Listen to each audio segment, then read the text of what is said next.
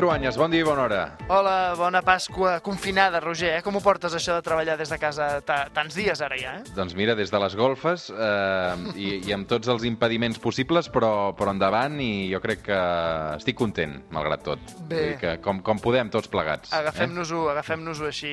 Escolta'm, a banda de portar guants i mascareta, hi ha una cosa que els que estem sortint a treballar cada dia durant el confinament no parem de fer contínuament.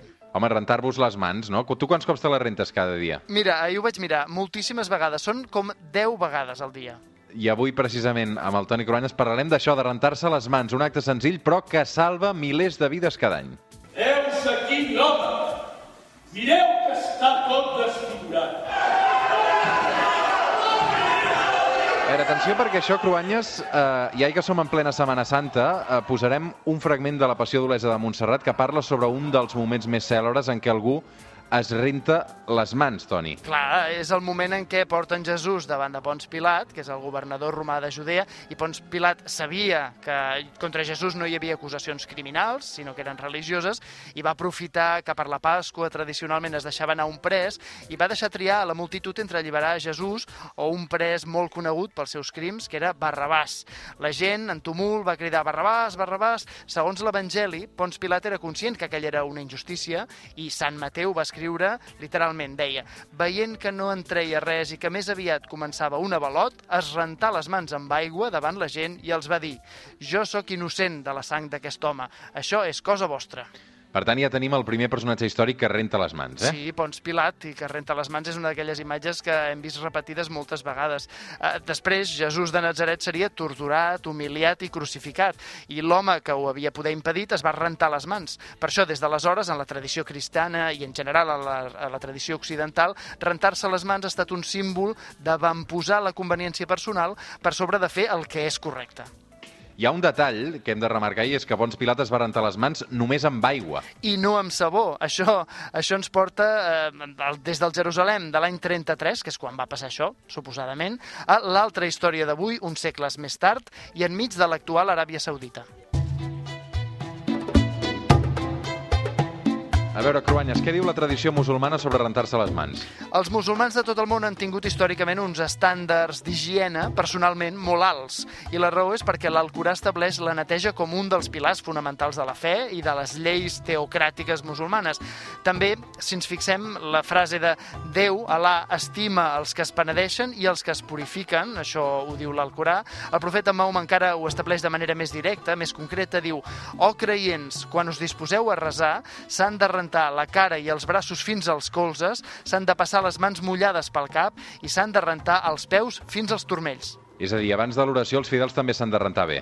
Sí, haureu vist en moltes mesquites històriques, a Andalusia o a Turquia o a l'Iran.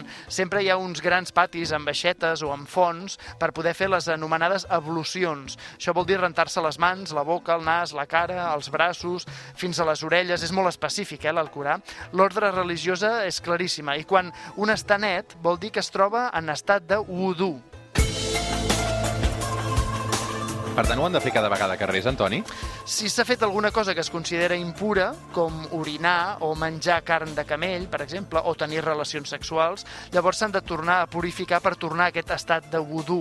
Hem de pensar que l'Alcorà, a més de ser un text religiós, també era una llista d'ordres per la vida pràctica i també per la higiene. No menjar porc, per exemple, era una fórmula també per evitar l'expansió de malalties que el porc transmetia en aquella zona desèrtica, com ara la triquinosi. En aquest cas, la religió es barreja aquí amb mesures higièniques, eh? Totalment, totalment. Occident, en aquella mateixa època, estem parlant de l'edat mitjana, la gent tenia aversió a l'aigua perquè se la considerava portadora de pestes i d'infeccions. Creien que les infeccions es propagaven per les olors d'aigües fètides. De fet, es creia que el còlera i les pestes es propagaven per l'aire verinós, que es dibuixava en forma de núvols fecals, en núvols negres, s'identificava la pudor de les aigües tancades amb infeccions. Així que el món musulmà, al fons, aleshores anava estava molt més avançat, perquè almenys ells entenien que amb aigua es rentaven millor.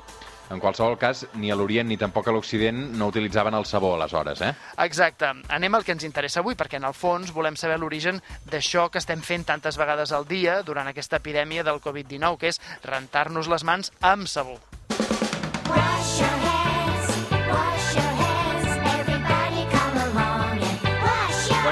un missatge universal en temps de coronavirus que no es cansen de repetir totes les autoritats i tots els pares i mares. La vinculació entre rentar-se les mans i tenir una bona salut és un concepte relativament bastant nou, no? Històricament. Sí, sí, perquè mira, no va ser fins l'any 1846 que un metge hongarès, Ignaz Semmelweis, que treballava a l'Hospital General de Viena, va donar-se que les dones que donaven a llum els seus fills al seu hospital, que estava vinculat a una universitat, agafaven més febre, infeccions i morien més que les que parien en un hospital proper que portaven unes infermeres i unes llevadores. Va veure que els metges i els estudiants de medicina de la seva universitat molt sovint anaven als parts després d'haver fet una autòpsia. El doctor Semmelweis va teoritzar que aquests metges i estudiants tenien, diguem entre cometes, eh, unes partícules de cadàvers que les portaven a les seves mans. En canvi, les llevadores no estaven exposades a aquestes partícules, així que va obligar que els metges es rentessin les mans amb clorina i les xifres de morts en, les parts, en els parts del seu hospital van caure de seguida.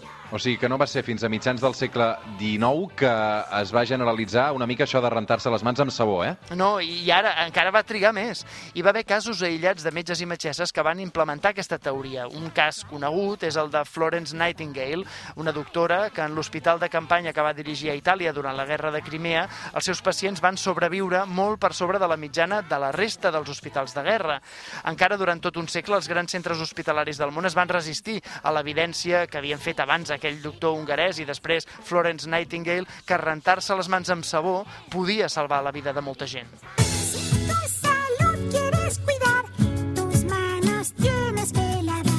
Mira, això és Barri Sèsam per conscienciar també els nens de tot el món de la necessitat de rentar-se bé les mans. Sí, és increïble com de vegades ens fixem en grans invents de la humanitat per veure avenços històrics i una cosa tan senzilla com rentar-se les mans amb sabó pot acabar sent tan o més important que el descobriment d'una vacuna, que la fi d'una guerra, que el descobriment d'un medicament.